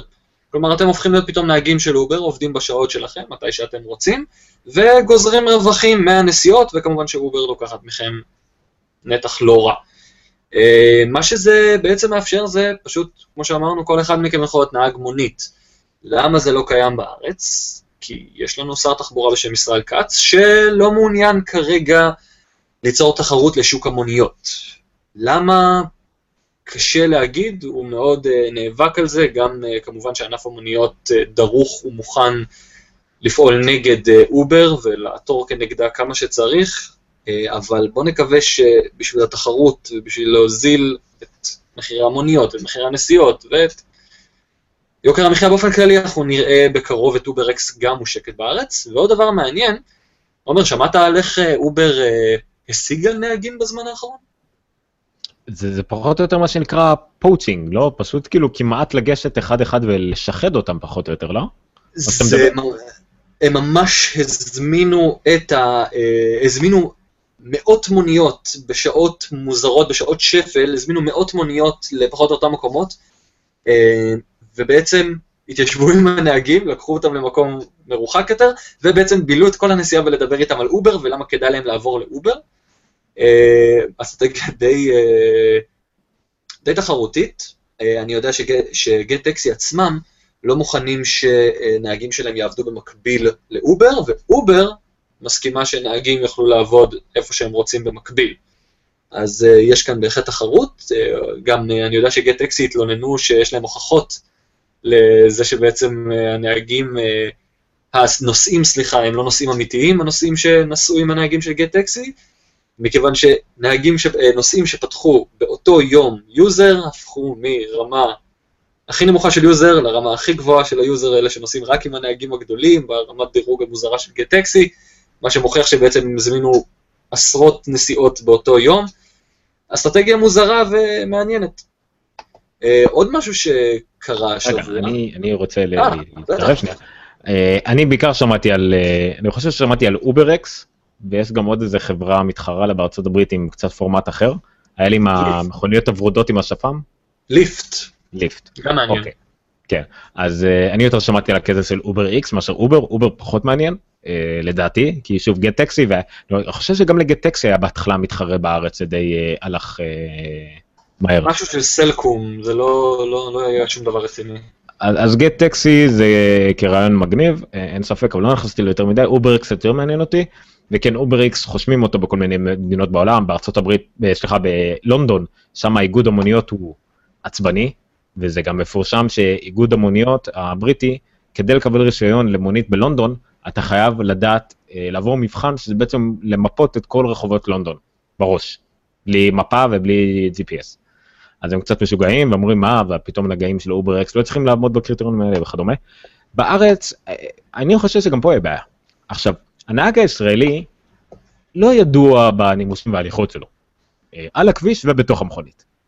עכשיו, לתת לאנשים האלה להיות אחראים גם לאנשים אחרים, אני חושב שזה יעלה פה את uh, מחירי הביטוח לש, לשחקים ורק יגדיל את ההון של האחוז העליון הזה. זה נראה לי קצת יהיה בעייתי לעשות בארץ, אבל כמובן גם נהגי המוניות בארץ וכולם פה, יש התנגדות uh, רבתי, והמאפיה תיכנס ויהיה פה בלאגנים נוראים, אני משער בארץ. וואו, איזה טון, טון אפל yeah. כן. לסיים בו uh, דיבור על uh, אפליקציה. טוב, בוא ננסה לעודד קצת עם החדשה הכי משמחת של השבוע אולי. אה, עומר, מי במקום הראשון במצעד הסרטים בבוקס אופיס בארצות הברית? Guardians of the Galaxy. שוב, Guardians of the Galaxy, איזה כיף, איזה יופי. במקרה אה, נדיר, במקרה נדיר שבו הם היו במקום ראשון, ואז מקום שני, ואז עוד פעם מקום ראשון, אה, נדיר בימינו סך הכל, פעם זה היה מאוד נפוץ. אה, בימינו זה נדיר. טריוויה, מי האחרון שעשה את זה לפניהם? אני לא יודע. פרוזן. לשבור את. הקרח. נכון, ופרוזן זה סרט קלאסי שכן יכול לעשות דברים כאלה, זה סרט חצי ילדים, חצי לכל המשפחה, שמספיק שהיה סוף שבוע אה, נעים ויצאו בו, ובסוף שבוע אחרי זה היה גשום ולא יצאו בו, ואז עוד פעם נעים, ואז פתאום כל מיני נתונים שמשמיעים על זה, אז כן, פרוזן הוא קלאסי, גארדיאן גלקסי ממש לא, במיוחד בהתחשב בנקודות הפתיחה שלו, שהייתה עוד יותר אה, מוזרה ולא צפויה. לא מסכים איתך. למה אני לא מסכים איתך? אני חושב ששניהם ממש די דומים מבחינת אה, ההתנהלות שלהם, מבחינת קבלת קהל. כלומר, פרוזן לא יצא עם איזה הייפ מטורף או איזה רצון מטורף לראות אותו, אה, וגם Guardians, אה, היה לו אמנם את בסיס המעריצים שלו וכל הדברים האלה, אבל 90% מהאנשים שיראו את הפוסטר יוותרו על הסרט אוטומטית, אה, אני מאמין בזה לפחות, ו-90% מהאנשים לא שמעו מעולם על Guardians of the Galaxy, ולכן אין לזה איזה שום בסיס, אפילו לא Avengers, זה לא מאחד, זה לא עם כוכבים superstars מטורפים, לא עד כדי כך לפחות, וגם Frozen די דומה מהבחינה הזאת של סרט בלי יותר מדי, בלי המון הייפ, אה, אבל מה שקרה זה שבעצם גם Frozen וגם Guardians of the Galaxy, אנשים הלכו לראות, נוצר הייפ אחרי היציאה של הסרט דווקא, ואנשים הבינו שהם חייבים ללכת לראות אותו, ואנשים נתנו לו צ'אנס, והאנשים האלה גלגלו עוד אנשים. אני מאמין שזאת לפחות יכולה להיות אחת הסיבות, שניהם, שניהם די דומים מהבחינה הזאת, של סרטים שקיבלו הייפ תוך כדי ההקרנה שלהם. אה, אגב, במקום השני, בואו ננסה, פעם ראשונה שאני הולך לעשות סקרינשר, צפו לתקלות. הנה זה בא. אז אנחנו יכולים לראות ש-Guardians of the Galaxy במקום הראשון, 17.6 מיליון דולר, שזה די שם אותו על ה-right track, מה שנקרא להיות הסרט המרוויח ביותר של 2014, שזה אחלה. אה, צבי הנינג'ה, אה, אחד הלא ראויים במקום השני, אתם מוזמנים לקרוא את הביקורת בגיקסטר כדי להבין למה. אה, אבל ההפתעה הגדולה היא ממש כאן. סין סיטי, על מה להרוג, שאלוהים יודע למה קראו לזה ככה בעברית. Uh, הסרט ההמשך לסין סיטי, תשע שנים אחרי הסרט המקורי שהיה להיט לא קטן, והיה די צבר קהל מעריצים די גדול, uh, בעצם צנח בומבס, מה שנקרא, בקופות, ופתח עם שישה וחצי מיליון דולר, כשהעלות של הסרט מוערכת ב-70 עד 80 מיליון דולר. זה סכומים מטורפים והפסדים מטורפים שרוב הסיכויים שיחוסו על ידי בלו-ריי, DVD והוצאות uh, בינלאומיות, אבל אין ספק שלדעתי שלא יהיה פה סרט שלישי בסדרה, אבל בהחלט uh, הפתעה של השבוע. Uh, נושא הבא שאני רוצה לדבר עליו, שאני לא יודע כמה מכם רואים את הסדרה הזאת, אבל הסדרה האגדה על קורה, The Legend of Korra, Uh, העונה השלישית שלה הסתיימה השבוע, uh, בצורה מדהימה, ומי שלא מכיר, הייתה, היו הייתה סדרה בשנות האלפיים שנקראה Avatar The Last Airbender, uh, משודרת עד היום בניקולודיון בישראל בדיבוב לעברית לצערי. Uh, סדרה באמת מדהימה, וכל מי שמחשיב את עצמו כגיק, רוב הסיכויים שאם הוא יצפה בה, הוא ייהנה ממנה מאוד, סדרה מצוירת, חשוב להגיד, uh, אבל The Legend of Korra היא בעצם סדרת ההמשך שלה, שמתרחשת בכמה שנים, הרבה שנים אחרי העלילות אבטאר. הסדרה, מה שמעניין כרגע מבחינה לפחות טכנולוגית, זה שבאמצע העונה שלה, פתאום ניקולודיון החליטו להוריד אותה מהאוויר. עכשיו מדובר בסדרה הכי גדולה של ניקולודיון בשנים האחרונות, זה מותג ענק, זה מושך קהל מעריצים מטורף, אנשים חולים על הסדרה הזאת, ובצדק, היא מאוד טובה, אבל הם הורידו אותה מהאוויר, והעבירו אותה בעצם להפצה אונליין בלבד. אי אפשר לראות את הפרקים האחרונים של Legend of Korra בשום מקום מלבד בניק.com. אי אפשר. זה עדיין מעלה את השאלה למה, אני חייב להודות שעדיין לא הצלחתי להבין למה.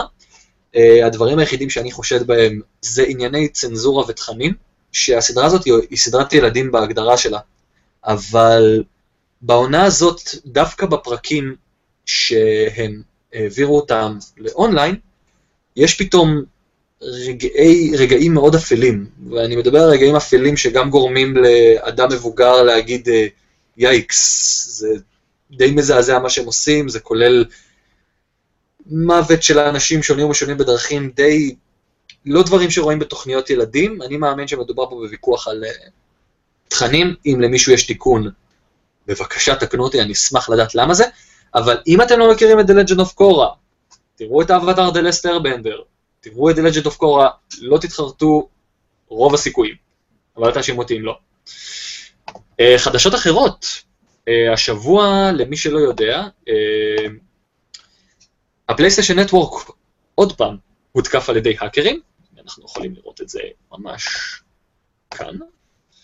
זה לא רק הם, נכון? זה כמעט כל השירותי משחק בעולם, כולל מייקרוסופט, Steam. הייתה התקפה כבדה, אבל הגדול ביותר שקיבל, לפחות נכון הדיווחים של אתמול, זה היה PSN, ה PlayStation Network, שבעצם קיבלה התקפה DDoS, שהיא בעצם לא עושה הרבה חוץ מלהציק בעצם ולהפיל שירותים. אה, סוני טוענת שלא הייתה שום פריצה, אה, אלא מאגרי מידע, לא נלקח שום מידע של לקוחות, ככה שאם הכרטיס אשראי שלכם נמצא בחנות של סוני, אין לכם יותר מדי מה לדאוג, לפחות כרגע. זה לא דומה לפריצה שהייתה ב-2007, אם אני לא טועה, ששם באמת נגנבו כרטיסי אשראי, ונגנבו פרטים וסיסמאות, והיה בלאגן. לא נראה לי שמדובר באותו עניין, אבל זה עוד טרי, עוד נראה, הם הצליחו להפיל, האקרים הצליחו להפיל את הרשת של הפלייסטיישן לכמה שעות טובות מאוד. Uh, עד עכשיו היא עדיין בבעיות, לא יודע כל כך להגיד למה, אבל אני משער שנגלה גם את זה בימים הקרובים. אגב, שכחתי, בנוגע ל-Legend of Korra, אם יש משהו מעניין וגיקי, זה שבעצם הוכרז סוף סוף המשחק של קורה, שהוא הולך לצאת באופן בלעדי אך ורק בהורדות, כלומר הוא לא הולך לצאת אה, עותק, אה, עותק פיזי, הולכים לצאת רק בשירותי אה, הורדות למיניהם, כמו למשל Steam, כמו ה PlayStation Network וה Xbox Live, רק הם הולכים בעצם לאפשר את הקנייה של המשחק הזה. המשחק יוצא ב-21 לאוקטובר, קודם כל ל PlayStation Network ול-PC, בדרך סטים, וב-22 לאוקטובר לאקסבוקס. אה, נראה משחק כרגע מאוד מעניין, מפותח על ידי אה, פלטינום, שזאת חברה שדווקא ידועה מאוד במשחקים מאוד מאוד טובים, אה, ובהחלט יהיה מרתק לראות מה תהיה התוצאה. האמת שאני די מחכה לזה. עוד משהו שאגב קרה, בהמשך למה שעומר אמר, הנה תראו איך מתנגן איזה סרטון מעצבן, איזה יופי. אה, בהמשך למה שעומר אמר לגבי Tomb Raider, הטור שכתבתי, שאתם מוזמנים לראות אותו בגיקסטר, Crystal Dynamics, המפתחת של Tomb Raider, הגיבה סוף סוף לפרשייה שבעצם די הסעירה את עולם הגיימינג, אם תרצו או לא תרצו, אה, לפני כמה שבועות, כאשר בעצם, למי שלא מכיר, מייקרוסופט הכריזה במהלך הצגת, הצגה שלה ב Gamescom, תערוכת המשחקים האירופאית, שהיא המקבילה של E3, הכריזה ש Tomb Raider הבא הולך לצאת באופן בלעדי, לפחות לפי מה שהיא אומרת, בחגים לאקסבוקס, רק לאקסבוקס. מה שהרגיז מאוד את כל המעריצים שלה מהפלייסטיישן ומהמחשב, שיש לה קהל לא רע, אגב, פרט טריוויה שולי זה שגרסת הפלייסטיישן 4 היא הגרסה שמכרה הכי הרבה מהמשחק הקודם של Tomb Raider, וגרסאות האקסבוקס מדשדשות הרבה מאחור. אה, זה הרגיז המון מעריצים. אה, מייקרוסופט די עשתה מה שאני לפחות אקרא לו trolling למשתמשי פלייסטיישן 4, ובעצם כחלק מההסכם שלהם עם החברת פיתוח והפצה, היא בעצם מעין עשתה סוג של אה, הסכם שאומר שהם לא יכריזו אף אחד מהם על תאריך יציאה לפלייסטיישן 4 או ל-PC. כלומר, המשחק יוצא לאקסבוקס עד שיוכרז אחרת. העסקה הזאת היא אכן באמת מוגבלת בזמן, מה שבהתחלה לא היה ברור ולא נאמר באופן מפורש בישיבה, והרגיז המון מעריצים. אתה יכול ללחוץ על הפליי בינתיים, לאנשים אה, לשטוף את העיניים קצת. למה לא? את האמת שזה רק ה-IGN News, זה לא כל כך מעניין. אה, אבל... אין ציצים? יש אותה, את נעמי קייל, אבל אה, לא יודע עד כמה זה יעזור. אה, סקר גיקים זה iJustine, אתה מכיר? לא. אוי, לא. יכול להיות אבל שאתה מבטא את השם לא נכון ובגלל זה... לא, iJustine. iJustine? לא, לא, לא. אוקיי. Justin TV אתה מכיר? שמעתי, לא, לא, לא מכיר. אוקיי, א' כל זה סתם מביך, כי Justin TV זה Twitch. Justin TV היה Justin TV ואז הוא הקים את Twitch ועכשיו הוא סגר את Justin TV וניסה רק Twitch. הוא זה בן אדם בודד שהוא מכר במיליארד דולר את Twitch לאמזון לא משנה קוראים לו ג'סטין. הוא הקים את Justin נקודה TV אני Justin TV. זה היה ה video blogging הראשון אי פעם. הוא פשוט החליט אולי אני אצלם את החיים שלי ואנשים יתעניינו בזה. כמה שנים אחר כך מכר את החברה הזאת במיליארד דולר. אה, השנייה שהייתה ברשת שלו קראו לה, קראו לה גם ג'סטין אבל והיא נתנה לעצמה את הלינק iJustine. עכשיו, אם תגגל אותה, אתה תראה, היא בלונדינית, היא מגניבה, היא הולכת עם האקסבוקס שלה לבתי מלון, כדי להמשיך לשחק ב Call of Duty בבית מלון, אה, ודברים כאלה. והיא לא הטיפוס שהיית חושב שהיא תהיה גיימרית. והיא לא סתם מנחה, היא פשוט כוסית על שגם היא גיקית קיצונית לחלוטין. היא לא רק מנחה, היא גם כוסית, מילותיו של אה, עומר. תודה לך. כן, זה אני מבקש לא לקחת, כבר מכרתי את המילים לשרת חדש. מעולה. אה, אז בעצם Crystal Dynamics, שהיא החברה שמפתחת, סוף סוף אה, פתחה את הפה באירוע של מעין Q&A קטן שהיה, ובעצם אמרה שהיא לא רצתה לפגוע באף אחד, ולא רצתה לגרום לבלבול, ולא רצתה סתם להלחיץ אנשים, והעסקה עם מייקרוסופט הולכת להצעיד אותם אל הדור הבא של משחקים או משהו כזה. בואו נסתכם את זה בלהגיד שהם רוצים המון המון כסף, והם קיבלו המון המון כסף. שיעשו עם זה מה שהם רוצים, רק שישתחרר המשחק לפלייסטיישן 4, פליז. Uh, זהו לפחות נראה לי להיום, עומר. זה, זה משקם את חלק הדברים שבחיים ניר לא היה מדבר עליהם. אה, בגלל זה טוב שאני כאן. בואו בוא נסיים עוד בצורה אופטימית עם איזה המלצה, טיפ, משהו, יש לך להעביר לעולם? Uh, כשאתם קונים מחשב של לנובו, תבדקו כמה uh, הספק הולך להיות המטען שלו, כי זה השנה היא של לנובו, שזה, אני לא יודע אם אתם רואים, הוא כמעט בגודל של הראש שלי, והוא די כבד ומגושם. זה הטיפ שלי להשבוע, עומר, מה איתך? טיפ מאוד איזוטרי, אני חייב לציין. האמת שיש אפליקציה חדשה שממש עכשיו שמעתי עליה, נראה לי שהיא רק עכשיו יצאה, לא יצא לבדוק עליה יותר מדי. אבל האמת שאולי, אתה שמעת על ה Hyperlapse של מייקרוסופט? זה לא משהו שאינסטגרם מוציא היום? זהו, אינסטגרם מוציא היום אפליקציה שנקראת Hyperlapse, אבל המושג Hyperlapse משום מה השבוע אה, אה, היה יותר בקטע של אה, מייקרוסופט, תן לי לבדוק את זה. בוא נראה אם נמצא את זה. בכל מקרה, יש, האמת שכולנו עכשיו נכיר את זה יותר טוב, יהיה מה שנקרא טיימלפס במכשירים של אפל. יהיה עכשיו משהו שנקרא טיימלפס, תוכלו בעצם לצלם, זה מצלם, במקום לצלם 30 פריים לשנייה, זה מצלם רק פריים אחד נגיד כל שנייה, או 6 פריים כל שנייה, ומאחד את זה מין שרטון מקוטע כזה מהיר. אתם יכולים להיכנס ל-yulninio.com ותראו שם את השרטון טיימלפס, אשתי עשתה לפרויקט שלה, או yul.gallery, זה גם כתובת מגניבה, צריך להודות. כן, אז יש שם דוגמה כזאת. עכשיו, הבעיה בדברים האלה שאתה בא לצלם, הרבה אנשים עושים את זה למשל עם הגו פרו שלהם, או משהו כזה, ואז מצלמים את עצמם, לא יודע, אה, מטפשים על הרים וכדומה, וכל מיני דברים כאלה, וזה יוצא להם נורא מקוטע, כי בעצם אתה לא באותו מקום. השרטון של אשתי למשל זה שהמצלמה במקום אחד. לפעמים אתה רוצה לזוז, וזה נראה ממש ממש מקוטע.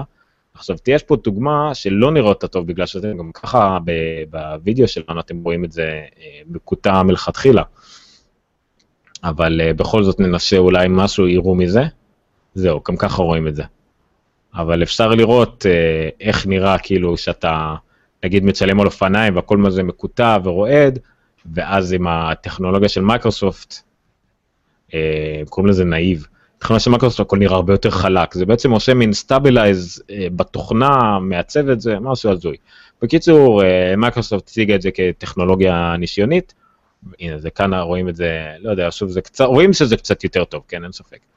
אה, אבל אינסטגרם, שזה פייסבוק, אה, הוציאו אפליקציה היום שנקראת Hyperlapse by Instagram, והיא מתיימרת לעשות אותו דבר על האייפונים שלנו, אה, כן, שוב זה רק לאייפון בינתיים, גם כן אתם יכולים לצלם, כמובן שזה לאינסטגרם, אז הסרטונים יהיו רק מקסימום של 15 שניות, אבל אתם יכולים לקבוע אם זה יהיה פריים לשנייה, 6 פריים לשנייה, 15 פריים לשנייה, אה, ואז בעצם לקבוע את המהירות של זה, וזה נורא נחמד.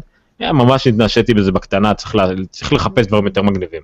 אני משער שלצלם את הילד שלי כזה אה, רץ, או עושה משהו חמוד, אז במקום לראות אותו 30 שניות, או שמשהו חמוד ולאנשים מתעייפים, אז כזה 10 שניות מרוכזות שלו כזה, קופץ ממקום למקום חלק, זה, זה יכול להיות מגניב.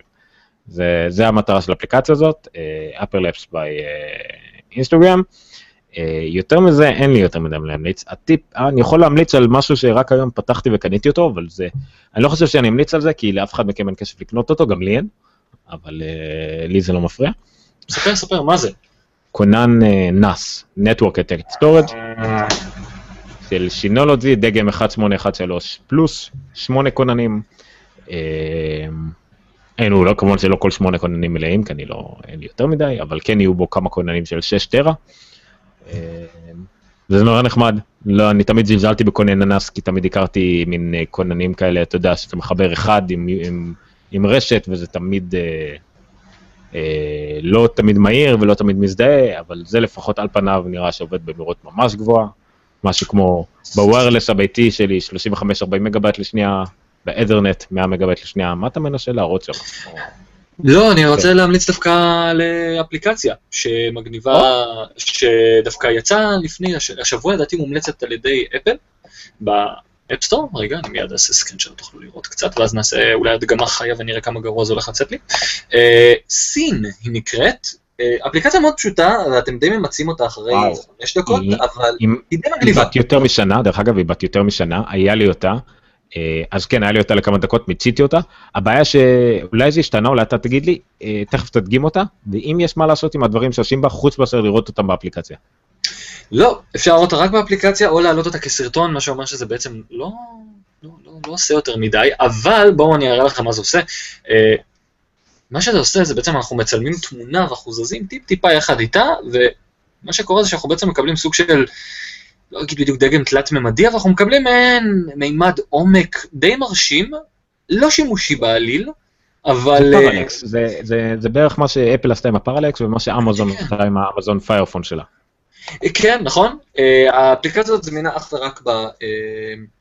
אך ורק בחנות של אפל כרגע, אני לא, לא יודע אם היא יוצאת לאנדרואיד בקרוב, אה, אבל בואו נראה לכם איך אני עושה את זה, אני אמנם לא אתחבר ואראה את זה למסך אה, כמו עומר שהוא בדרך כלל עושה, אבל בואו נעשה, אני אראה לכם בדיוק איך אני עושה את זה ונראה מה התוצאה יוצא. אני חושב שאני מחקתי אותה השבוע, אז אני אפילו לא יכול להדגים אותה. בואו נראה את זה. אז אני בעצם לוחץ על צילום, כן. ואני צריך לזוז יחד עם זה טיפ-טיפה, לנסות כמה שיותר, ועכשיו תראו כמה גרוע זה הולך לצאת לי בטח. בואו נראה אם אני אצליח להראות. הנה המחשב, כמו שאתם רואים, אני בעצם כמעט יכול לזוז בצורה תלת-ממדית ב- בתוך התמונה. יש לזה דווקא אפקט לא רע, אני חייב להגיד. זה, לא, זה, זה די מרשים הטכנולוגיה, גם אפשר לראות בזמן אמת איך הוא מתמקד על uh, עצמים מרחוק. זה די מרשים. זה לא שימושי כל כך. אוקיי. Okay. I see your uh, 3D modeling, and I'll uh, up you all in, מה שנקרא. בוא תראה את זה. אוטודסק, רובנו מכירים, ומי שלא מכיר פשוט לא מכיר את התחום. אוטודסק מכיר, זה החבר'ה שעושים את אוטוקאד, ועוד מיליון תוכנות זה. אז הם הוציאו דבר שאתה תראה אותו עכשיו, הוא נראה אה, דמיוני קצת, אוקיי? וזה, יש את זה ליושבה. אותו עיקרון כמו שאמרת, אתה שם לב, הבן אדם מצלם את הילד שלו מכל הכיוונים. קצת נראה כאילו הוא קופץ מסביבו? לא, כי זה, לא, לא, כי זה פשוט דילגו על הזמן. אגב, הייתה להם אפליקציה מאוד דומה בעבר. אתה רואה את זה? כן, כן, זה פשוט שכלול שלה. ואתה רואה גם, אבל מה ההבדל הוא פה? שאתה רואה את המודל התלת-ממדי המלא, ההבדל הוא שאתה יכול לעשות לו אקספורט, לשלוח את זה לחנות עם המדפסת תלת-ממדית הקרובה למקום מגוריך, ולקבל הדפסה של זה. זה ההבדל. זה סטנדרטים, אתה יכול לייצא את זה כקובץ של אוטודסק, של אוטוקאד, או כל מיני דברים כאלה, וממש להדפיס את זה, לשלב את זה, אתה רואה, לשלב את זה לתוכנות אחרות, ממש עושים מודל תלת-ממדי, אה, זה גם מגניב. אתה יכול לקבל דוגמה לגזירה בקרטון שלו, ואז תקבל כאילו, אתה יכול להדפיס על נייר רגיל, או עדיף על נייר איכותי, עם כל המקומות לגזור את זה ולעשות את זה. הנה, אתה רואה, ילד פשוט עם המודל תלת-ממדי של עצמו, קצת מפחיד. זה כל כך נרקסיסטי. אבל זה לא, למשל מיש, מישהו תיאר את זה, אנדי נטקו במקבורק קוויקלי אה, תיאר את זה. אתה הולך בגינה ציבורית, כן, לא במוזיאון כי זה אסור, ואתה רואה איזה פסל שאתה אוהב, עד היום יכלת לצלם אותו ולהיזכר בו. אולי עם סין אתה יכול לצלם אותו בכאילו תלת מימד ולהיזכר בו רק באייפון, פה הוא פשוט שילם אותו, בכל, אמר אני כבר פה, אני אצלם מכל הכיוונים, הוא עשה את זה גם, אפשר לעשות את זה גם רטרואקטיבית, אם אתה מצלם מספיק תמונות מכל הכיוונים, אתה יכול להעלות את זה אחר כך לתוכנה, והיא לבד uh, תעשה את זה, עדיף לעשות את זה כבר עם התוכנה, ועם טלפון מספיק טוב, והוא פשוט אחרי זה הדפיס בבית, אצלו, יש לו מדפסת כזאת שקונים החדשות האלה ב-600-700 דולר, הדפיס מודל אמנם כזה מברונזה, אבל גם ככה פסל מברונזה, דגם כזה של הפסל שהוא נורא ראה ואהב באיזה גן שהיה בו באירופה. וזה, שמע, זה, זה עתיד, זה פוטוריסטי משהו. זה נשמע מגניב, מודה, מודה. הילד היה מפחיד ומקריפ קצת, אבל כן. אה, יש, אפשר, אפשר לעשות עם זה דברים מגניבים. כן, זה אין ספק שתחום התלת מימד הפונקציונלי, לא הוויזואלי, לא יודע מה, אפילו עם, אה, עם כל הכבוד ל Oculus Rift וכאלה, אבל שניתן לזה אה, מיצוי פונקציונלי, זה העתיד. להתלהב כדי לראות בדברים בתלת מימד, לא, אבל כדי להשתמש בזה, לא יודע מה, לניתוחי מוח, או לשחזור אה, יצירות אומנות, לא יודע, כן, שם זה, פה טמון העתיד לדעתי. מה ניתוחי מוח? איפה המדפסת פיצה הזאת שהראו בעבר? אה, נכון. לא, אני הראיתי, האמת, באחת התוכניות הראשונות שלנו שבווידאו הראינו משהו דווקא מאוד העליב אנשים. זה Pizza Hut ניסו אה, שולחנות כמו ה Surface שהיה של מייקרוסופט. כן. השולחן שלם שהוא שולחן מגע, שפשוט לפני שאתה מקבל את האוכל, אתה מזמין פיצה על ידי זה שאתה רואה מגש פיצה על השולחן, אתה גורר עליו איפה שאתה רוצה שיהיה את העגבניות, את, המש... את הזיתים ואת הדאבל צייז, מחלק את זה לכמה משולשים, הוא מגדיל את הפיצה, שולח על send וזה נשלח להזמנה, ואחרי זה אתה יכול סתם לשחק במשחקי חברה שיש על אותו שולחן. ובעצם לא, לא עוד פעם אה, להיות אנטי socializing בעלים. לא, זה מש... לא, זה משחקי חברה ביניהם, אתה יודע, כל מיני דברים כאלה בין היושבים בשולחן. מצד שני מדובר בפיצה האט. הכמות שמן שאפשר כזאת עם, עם wipe כזה להוציא מהשולחן כל פעם, אפשר יחד עם זה אה, להאכיל את כל עזה. וזה גם פיצה דוחה. אה, בואו לא ניכנס לעניינים כאן. אוקיי, אני חושב שסיימנו. אה, זה השלב בו אתה מסביר איפה אפשר להשיג אותך, לקרוא עליך, לעקוב אחריך, אה, לדעת איפה אתה גר, איפה אתה לומד, איזה חיות אתה אוהב. נו מה, איפה, מי אתה? אה, בקיצור, מי שרוצה להמשיך לעקוב יכול לחפש אה, עידן בן טובים בטוויטר או בפייסבוק אני נמצא, אה, כותב עכשיו בגיקסטר, אתם יכולים להיכנס לגיקסטר co.il, לחפש כתבות, בעיקר תחת בידור, אבל בקרוב מאוד, גם מדור משחקים, בעזרת השם, יהיה מאוד כיף. ואם במקרה אתם מגיעים לספיר ללמוד טלוויזיה או קולנוע בשנה הקרובה, חפשו אותי בשנה ג' אוקיי, אז אם באמת אה, לא התקבלתם לאוניברסיטת תל אביב ואתם הולכים לספיר, אז אה, אתם מוזמנים אה, לבקר את עידן שם. איפה שאין סטנדרטים ואין רף... האמת שאני נורא התלבטתי בין ללכת לתל אביב או לספיר, ודווקא ישבתי עם חלי קוראים למזכירה, נכון? יוליה. יוליה? לא יודע, פעם היה איזה חלי אחרת, אולי יוליה, לא משנה. ישבתי איתה, דיברתי איתה איזה שעה ככה מחוץ למשרד שם בספיר, עד שהיא שכנעה אותי ללכת לתל אביב. אוי ואבוי. כן. לא, תראה. אולי בגלל זה כבר לא עובדת שם.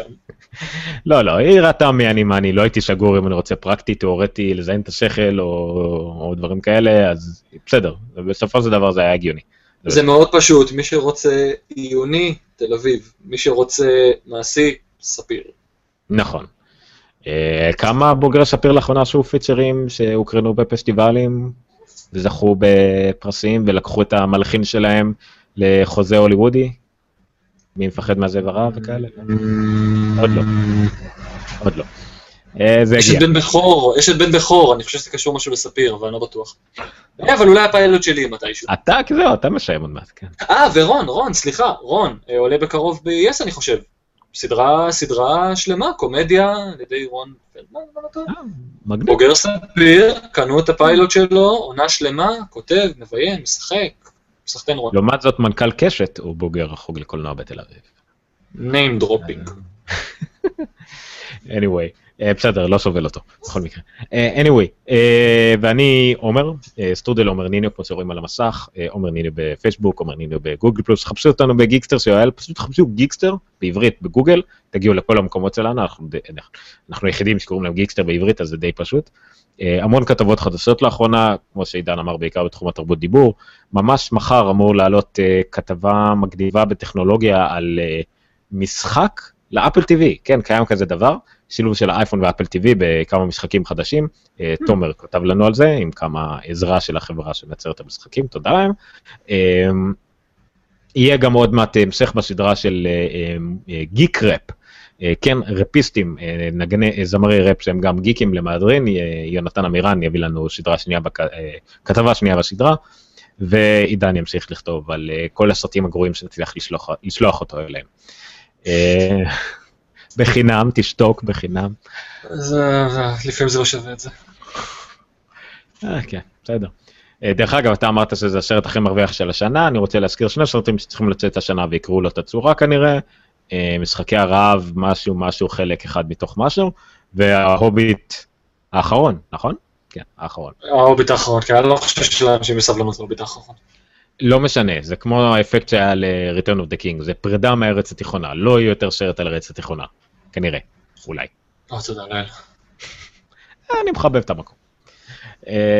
וגם צריך לתת לו את הקרדיט, אם כבר טכנולוגיה, פיטר בקסון הוא כמו ג'יימס קמרון, מהאנשים שמנסים להקפיץ את הקולנוע שנים קדימה, לא הולך לו כל כך, במיוחד עם כל מה שקשור ל-48 פרמים בשנייה, אבל זה כי אנחנו מטומטמים וקשה לנו להסתגל לדברים חדשים.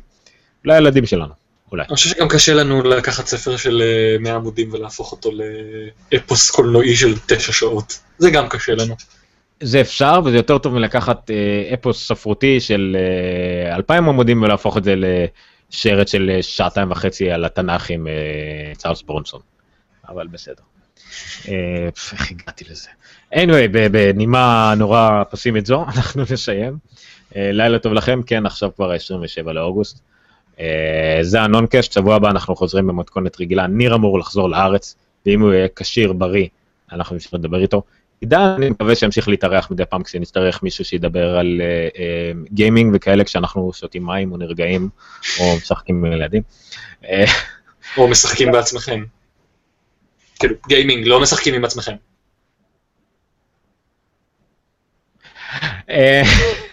לילה טוב. נונקאסט out, תודה רבה, לילה טוב. לילה טוב עידן. לילה טוב. stop broadcast, אם אני אמצא את העכבר המזורגג הזה.